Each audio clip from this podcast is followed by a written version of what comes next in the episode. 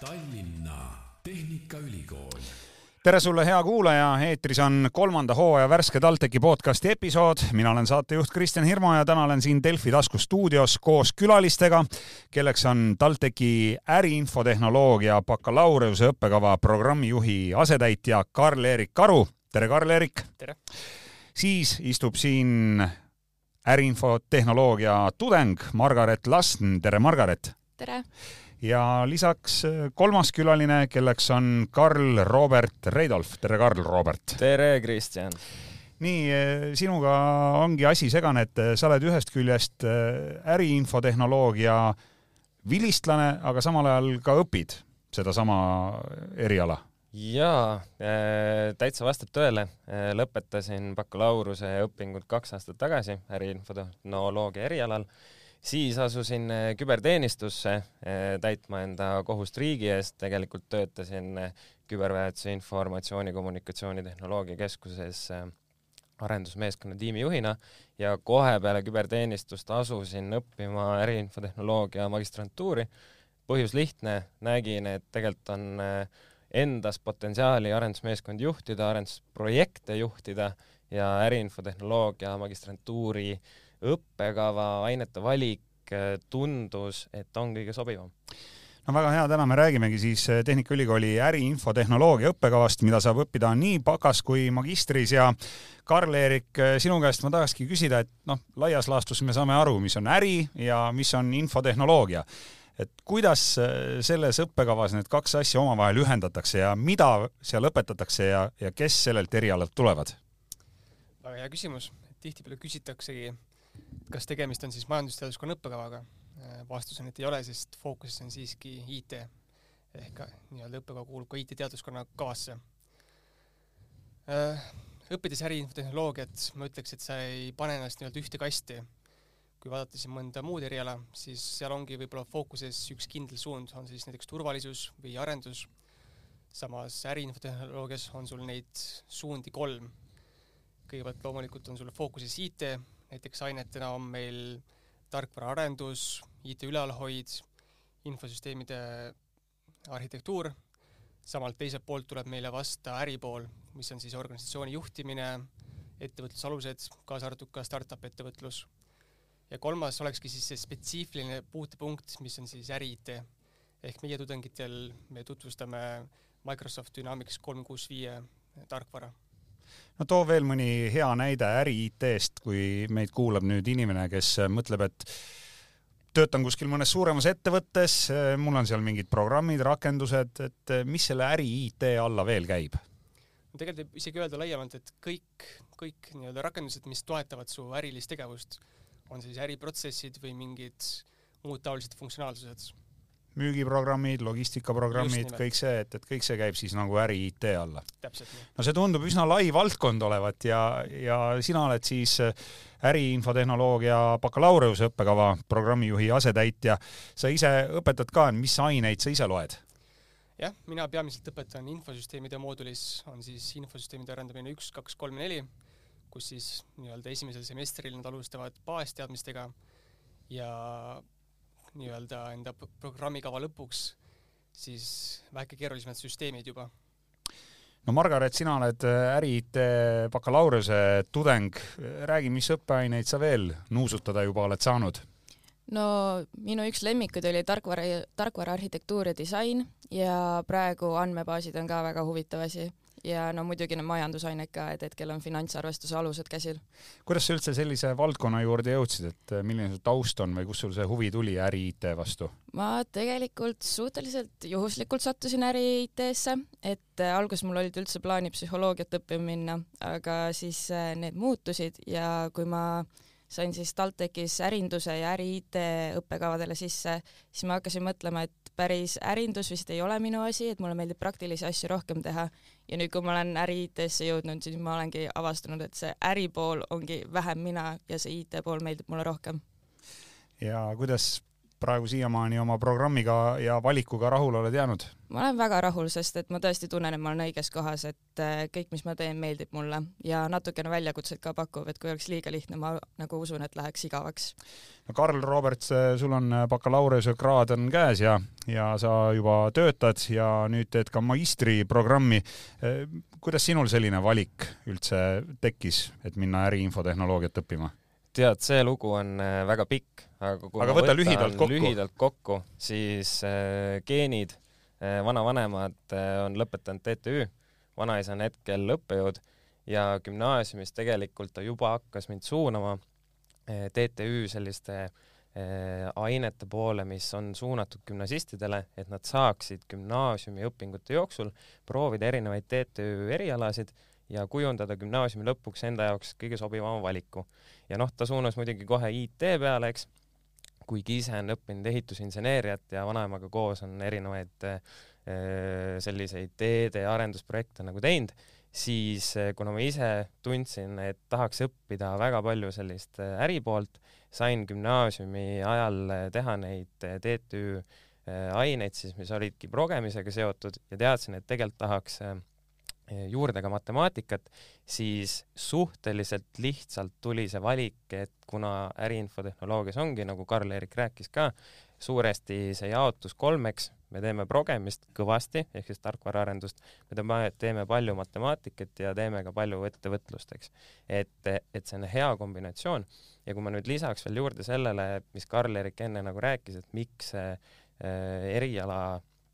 äriinfotehnoloogia on selliselt üles ehitatud, siis tegelikult eh, kogemus tööturult näitab, et ettevõtted vajavad mitte lihtsalt tarkvaraarendajaid, vaid ikkagi spetsialiste, kes oskavad progeda ja kes oskavad mõelda ka laiemalt, mida need tehtud arendused võiksid ettevõttele kaasa tuua,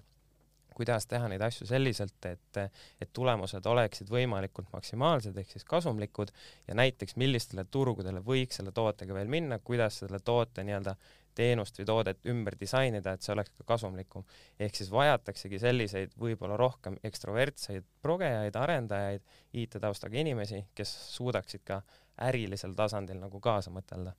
no sa ise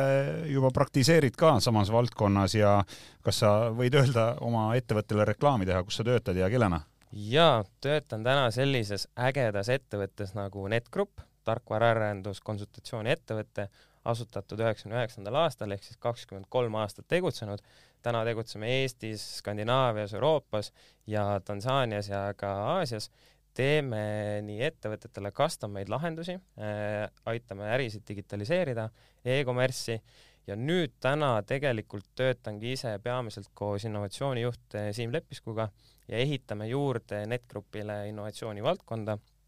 ehk siis hakkame tegema selliseid arendusi peamiselt, millel me näeme laiemat tootepotentsiaali. aga kui nüüd rääkida enda taustast kiirelt veel ka, siis jah, baka lõpetasin kaks aastat tagasi, aga tegelikult olen juba teinud kolm aastat karjääri panganduses, SEB pangas, arendanud makseid. see, nagu ma mainisin, siis küberväe juhatuses juhtinud arendusmeeskonda, tegime kaitseväe olukorra lahingteadlikkuse infosüsteemi, arendasime uut, mida lähme nüüd ka suvel USA-sse kaheks nädalaks siis kohalikele tutvustama, näitama, kui kõvad ja ägedad inimesed meil siin Eestis kohapeal on, kui lahedaid süsteeme me teeme. Ja tegelikult see vägagi tulemuslikku, tulemuslik õppimine bakas, see kogemus pangas, kogemus IKT-s on tegelikult sillutanud selle tee, et nüüd saan siis NetGrupis juba väga laia, väga potentsiaalikat valdkonda koos innovatsioonijuhi ja tegevjuhiga juhtida no Karl-Erik, ma tahaks kohe küsida, et kas potentsiaalselt tudengikandidaadil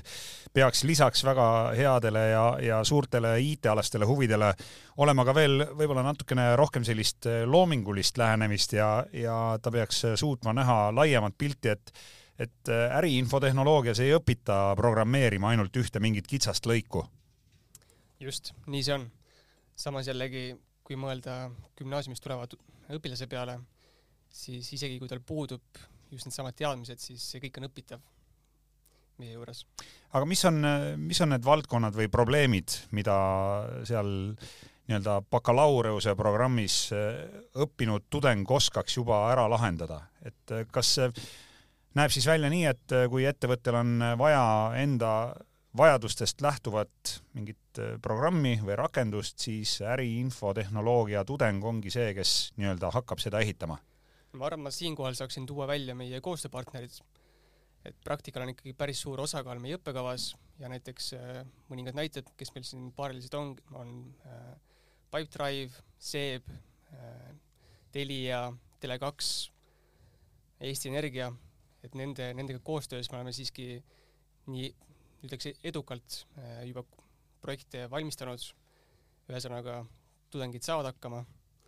aga peamiselt jah, veebilehed, infosüsteemid, haigla tarkvarad, panganduses erinevad rakendused, et siin on hakkama saadud. ja kiire näide sellest, kuidas äri-IT-s koostöövormid töötavad, ise tegin meeskonnaprojektina baka lõputöö. SEB Pank võttis siis neljasaja arendustiimi, kus olin siis mina ja kolm väga ägedat noort neidu ja tegime koos siis lõputööna pangale eh, nii-öelda siis liidestuse rahapesu andmebürooga, läbi mille siis SEB sai hakata raporteerima Äh, rahapesu või kahtlaste tehingute kohta informatsiooni ja läbi selle tagas siis enda läbipaistvuse, enda tehingute sellise usaldusväärsuse ja pangana ka äh, sellise väga laiema usalduse, et kõik need maksed, mida me täna vahendame, on kontrollitud. Ja kui me näeme, et on probleeme, siis me anname sellest kohe ka riigile teada, noored inimesed, bakatudengid, aga tegime suurele pangale päris kõva nagu arenduse, onju Margaret, kas sul on ka juba oma valdkond välja valitud, et millele sa rohkem tahad keskenduda, on see rahandus, on see müük, ma ei tea, turundus, et neid võimalusi seal oma oskusi realiseerida äriinfotehnoloogina on vist päris palju? Neid on tõesti palju ja ma ütleks, et ma olen alles avastamas, sest et enne kui ma tulin õppima äri-IT-d, ma ei olnud üldse nagu teadlik, kui palju võimalusi mul tegelikult on, et nüüd, kui ma nüüd esimest korda praktikale lähen, ma lähen nüüd e-äri valdkonda, siis ma vaatangi, kuidas see mulle sobib, kui ei sobi, siis proovin midagi uut, et äh, tõesti valikuid on liiga palju ja ma ei oskaksegi praegu nagu otsustada, mis see minule just on. No ma olen kuulnud seda ka, et äh, iseäranis IT-tudengitel pidigi olema see probleem, et ega kuskil esimesel-teisel kursusel juba koolis käimisega tekib probleeme, sellepärast et nii palju häid tööpakkumisi tuleb ja, ja töötamise kõrvalt võib-olla õppimine teinekord isegi jääb natukene tahaplaanile. kuidas sul on? no mina ise olen natukene eemal sellest hoidnud, sest minu eesmärgiks on ikkagi nominaalajaga lõpetada, aga ma kõrvalt näen tõesti oma kursakaaslasi, teisi IT nagu erialade tudengeid, kes juba käivad tööl ja osad on nagu katki ka jätnud oma kooli, et eh, ma ikkagi üritan lõpetada ära ja siis keskenduda karjäärile loen sinu kohta veel sellist väikest taustainfot, et sa oled tegelikult Pärnu tüdruk ja Pärnu Koidula gümnaasiumi vilistlane.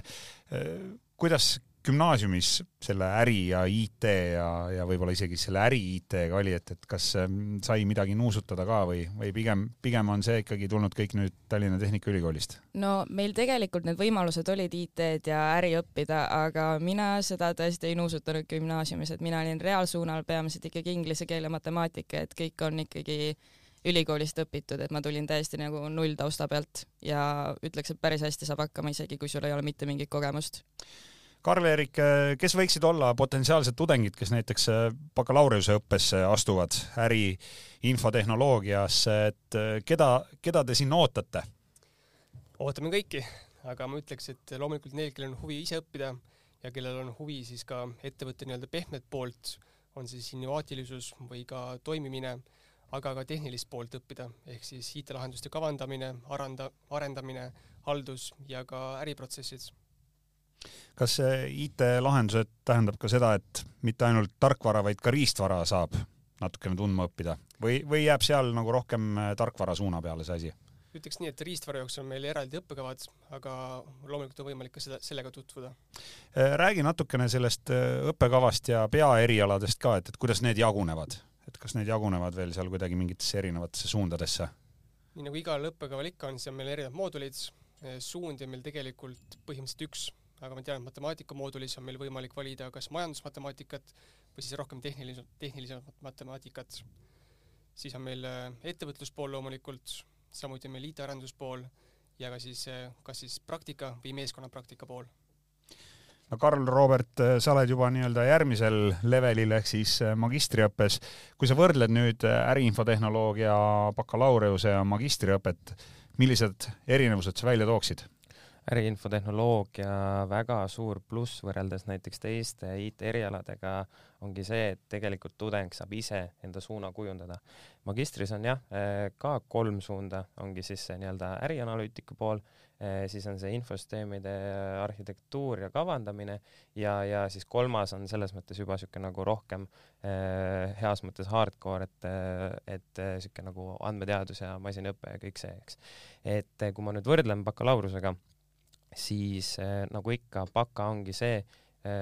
noh, nagu ka selles mõttes põhikool on ju, et, et sa saad teatud vajalikke baasaineid äh, hästi teoreetiliselt ka hästi praktiliselt on ju,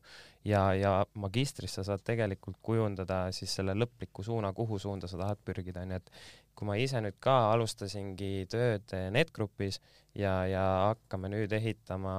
uut arendustiimi, siis on noh, arusaadav, et on vaja äh, suunata see rõhk, et arendada neid kompetentse, mis puudutavad äh, siis tiimi juhtimist, organisatsiooni juhtimist, IT-projektide juhtimist ja noh, läbi ka selle näiteks enda kevadsemestril valisingi ained, mis on suunatud just selles suunas, on ju. aga, aga selle kõige eeldus oligi see, et eh, eriala ise on teinud ainete valiku paindlikuks, ei ole pannud kinni teatud suundasid, et noh, selles mõttes, et kui sa nüüd tuledki õppima, panedki mööda seda ühte kanalit, vaid see, et sa saad ise avastada, saad juurde võtta, milles sul puudus on, kui sa näiteks töötad või oled ka praktikal kuskil ettevõttes või, või ka näiteks avalikus sektoris onju, et siis sa saad ise tunnetada, et mis on nüüd need kompetentsid, mis on nüüd need skill'id, kus sa pead ennast arendama ja läbi selle ka enda õppekava kujundada. Ja, ja omakorda selle tulemus on see, et tegelikult inimesed, kes lõpetavad, nad on niivõrd äh, laia kogemuspagasiga universaalsed spetsialistid, keda tegelikult ettevõtted võivad igas positsioonis ka rakendada, onju, et ma bakalaureuse lõpus mäletan, tegin äh, TalTechiga intervjuu ka, kus küsiti siis sellist tagasisidet just äriinfotehnoloogiale ja siis ma tõin ka välja sellesama, et kui sa selle eriala lõpetad, sa ei ole lihtsalt tarkvaraarendaja, vaid sa oledki see universaalne spetsialist, kes on valmis olema nii tarkvaraarendaja, nii arhitekt, nii analüütik, äriarendusjuht, projektijuht. lihtsalt tuleb enda jaoks äh, teha see otsus, saada selgeks mis on nüüd see konkreetne suund, mida mööda sa tahad hakata liikuma ja läbi selle siis enda jaoks valida need õiged ained, komponendid. No sa räägid ilusasti ja nagu ma siin juba jutu alguses mainisin ka, siis see valdkond on üsna lai, aga kui ma paluksin sul näiteks praegu välja tuua mõned kohalikud kodumaised Eesti eh, sellised eh, rakendused või lahendused, mis lähevad äri IT valdkonda, siis no kui sa mõtled oma ettevõttest väljapoole, oskad sa veel mõnda nimetada, sa siin juba mainisid, et sa oled ka pangandussektoris töötanud ja, ja kas on, kas on mingeid selliseid lahedaid asju, mis on, ma ei tea, Eestis välja mõeldud või meie, meie spetsialistide poolt püsti pandud? vastus on lihtne, ükskõik milline infosüsteem, mis täna Eestis tehtud on, sisuliselt võiks olla ka äriinfotehnoloogiaga kaetud, onju, et seesama, mida Karl-Erik avaski, et,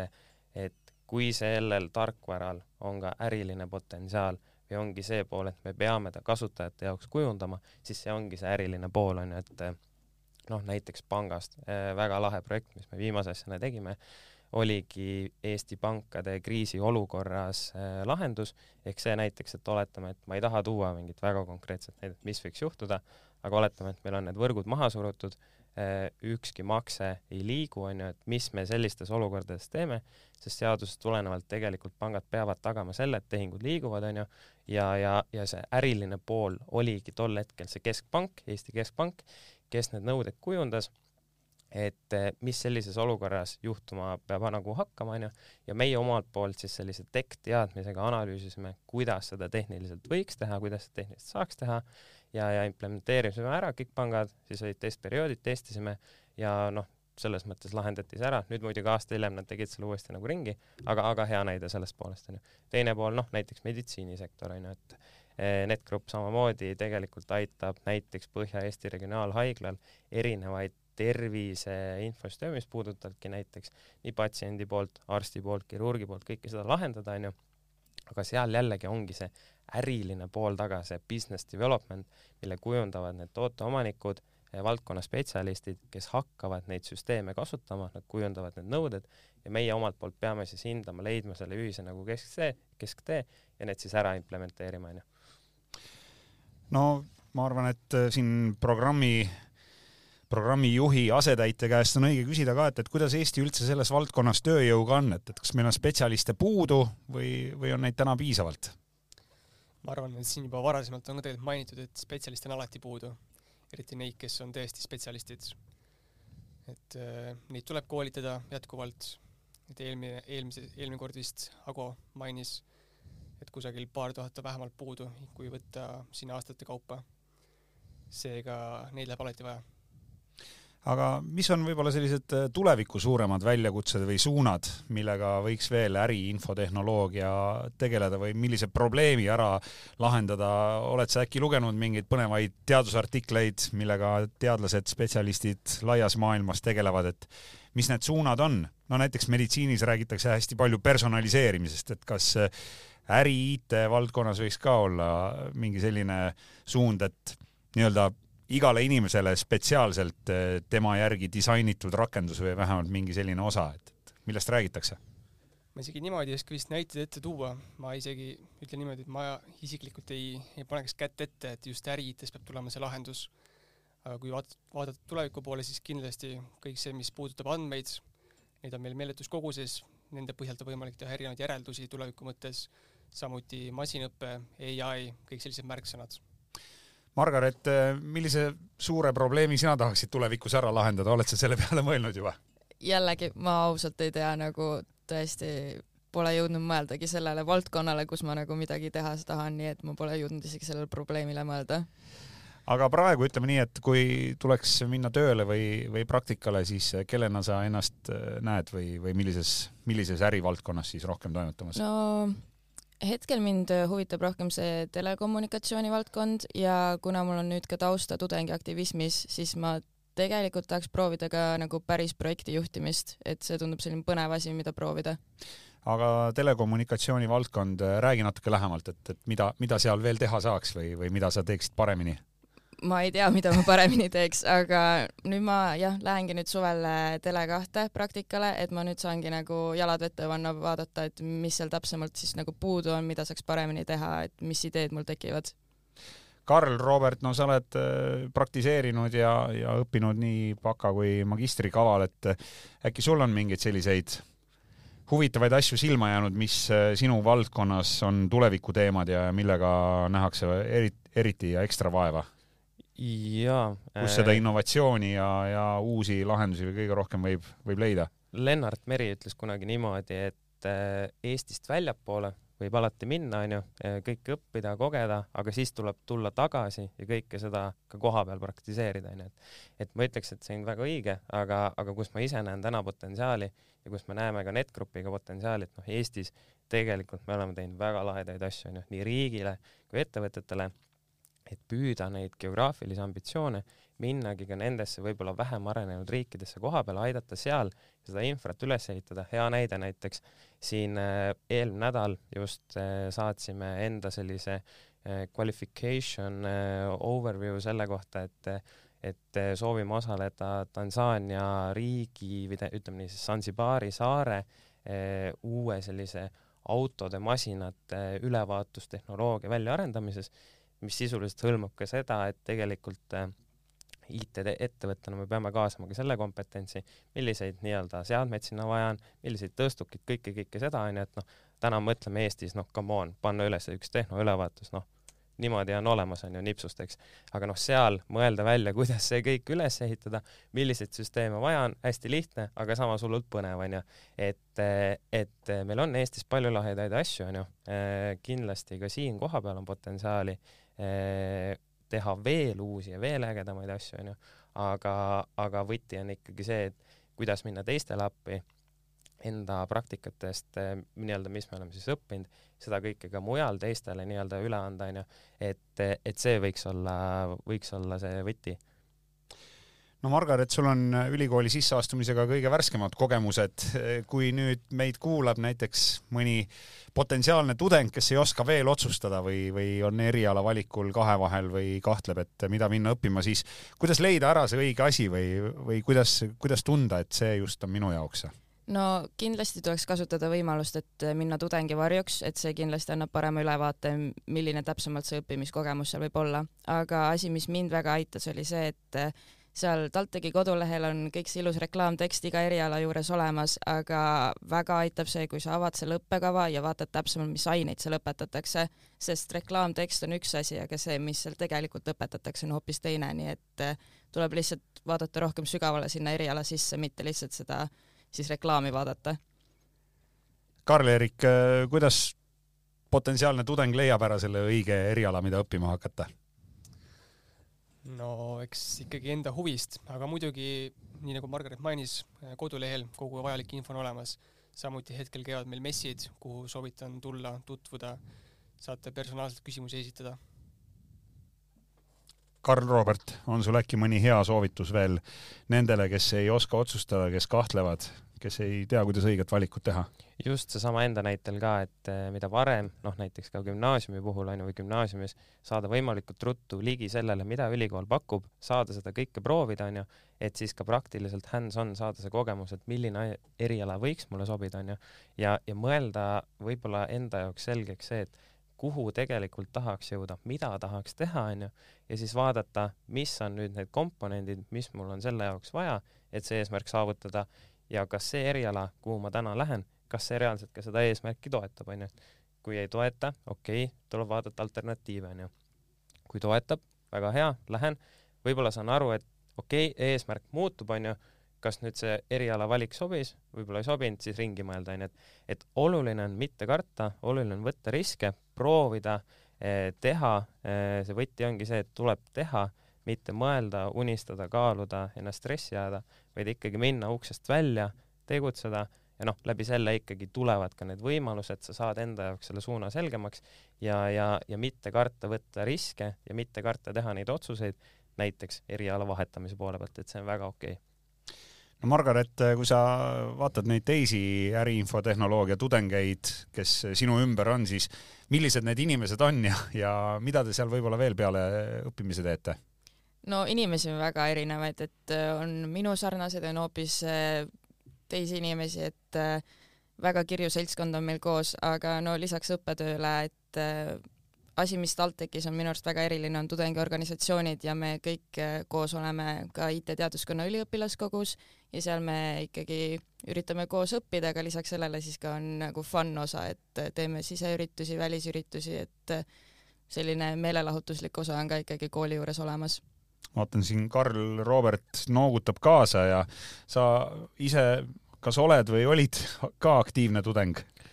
Ei olnud ja, ja tegelikult mitte sellepärast, et ükski ei sobinud, käisin ikka tutvumisõhtutel ja tegelikult äh, läbi tuttavate sõprade ja kursusekaaslaste, kes olid organisatsioonid, et tegelikult ikkagi sain osa nendest organisatsioonidest onju.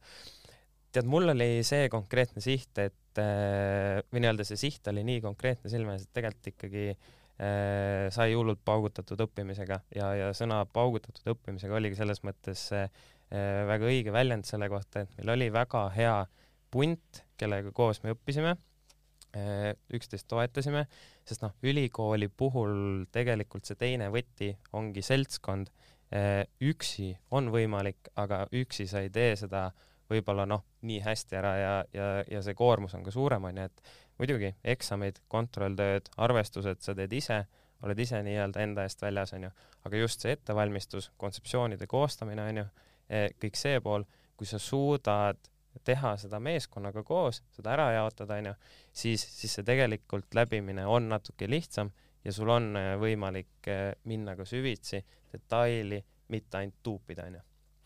Karl-Erik, sa soovid veel midagi oma programmi reklaamiks lisada, mis meil täna võib-olla siin jutuajamise käigus on jäänud kahe silma vahele? ma tooksin ikkagi selle,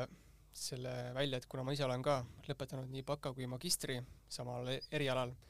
siis omast käest oskan öelda, et kui sind tõesti pannakse olukorda, kus sa peadki nüüd infosüsteemi siis kavandama täiesti algusest nii-öelda nõuete kogumisest kui ka arhitektuuri paikapanemisest, valmis ehitamisest ja ka siis ülalhoiust et sa saad sellega hakkama, vähemalt äh, mina enda teadmiste põhjal, mis ma siin kavas sain, sellega hakkama sain. Ehk siis see läbiv sõna ongi see universaalsus onju, et Just. me ei ole selles ühes komponendis kinni onju, vaid sina ütled täna ettevõttena, kuulge, mul on niisugust infosüsteemi vaja, siis sa ei tõsta käsi püsti, ütled, kuule, et ma oskan Javat kirjutada, et kui sul on kõik asjad selged, siis me hakkame rogema, vaid ikkagi see, et me oskame ära kaardistada probleemi, minna juurprobleemide juurde onju, analüütiline pool, arhitektuur, kõik, kõik nõuded, on ju, vajadusel kasutajate disa-, disa-, kasutajate disain, on ju, kasutaja teekondade disain, on ju, progemine, laivi minek, on ju, ja vajadusel sinna ka sellise turunduse otsa nagu otsimine, on ju, äriline pool ka siis, on ju. No kõlab uhkelt ja äriinfotehnoloogia õppekavade programmi juht Gunnar Piho on ka ise öelnud seda, et TalTechi äri-IT õppekava eesmärk on koolitada ettevõtte infosüsteemide juhtivaid insenere ja just nimelt suurepäraste tehniliste oskuste ja teadmistega insenere, kes on säravad ja õnnelikud kodanikud, nii et sealt nad tulevad TalTechi äriinfotehnoloogia erialalt suur-suur tänu tänastele TalTechi podcasti külalistele, keda siis oli täna üle pika aja tervelt kolm tükki. Karl-Erik Karu, programmijuhi asetäitja, aitäh, et said tulla. aitäh.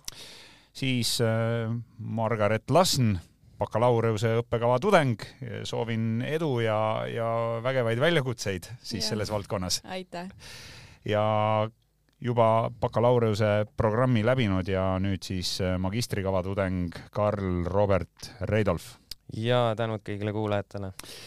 just nimelt äh, suur tänu sulle ka, kes sa kuulasid ära tänase TalTechi podcasti episoodi. ütlen veel nii palju, et vastuvõtt Tallinna Tehnikaülikooli on avatud, kõikide õppekavadega saavad huvilised ise tutvuda ka kodulehel teejuht.taltech.ee ja kõik Tallinna Tehnikaülikooli podcasti episoodid leiad sa Delfi taskukeskkonnast, lisaks veel Spotify'st, Apple podcastist ja teistest suurematest podcasti rakendustest. otsi need üles, hakka meid jälgima ja nii jõuavad kõik uued saated esimesena sinuni. mina olen saatejuht Kristjan Hirmu ja me kuuleme juba järgmises TalTechi kõiki podcasti episoodis.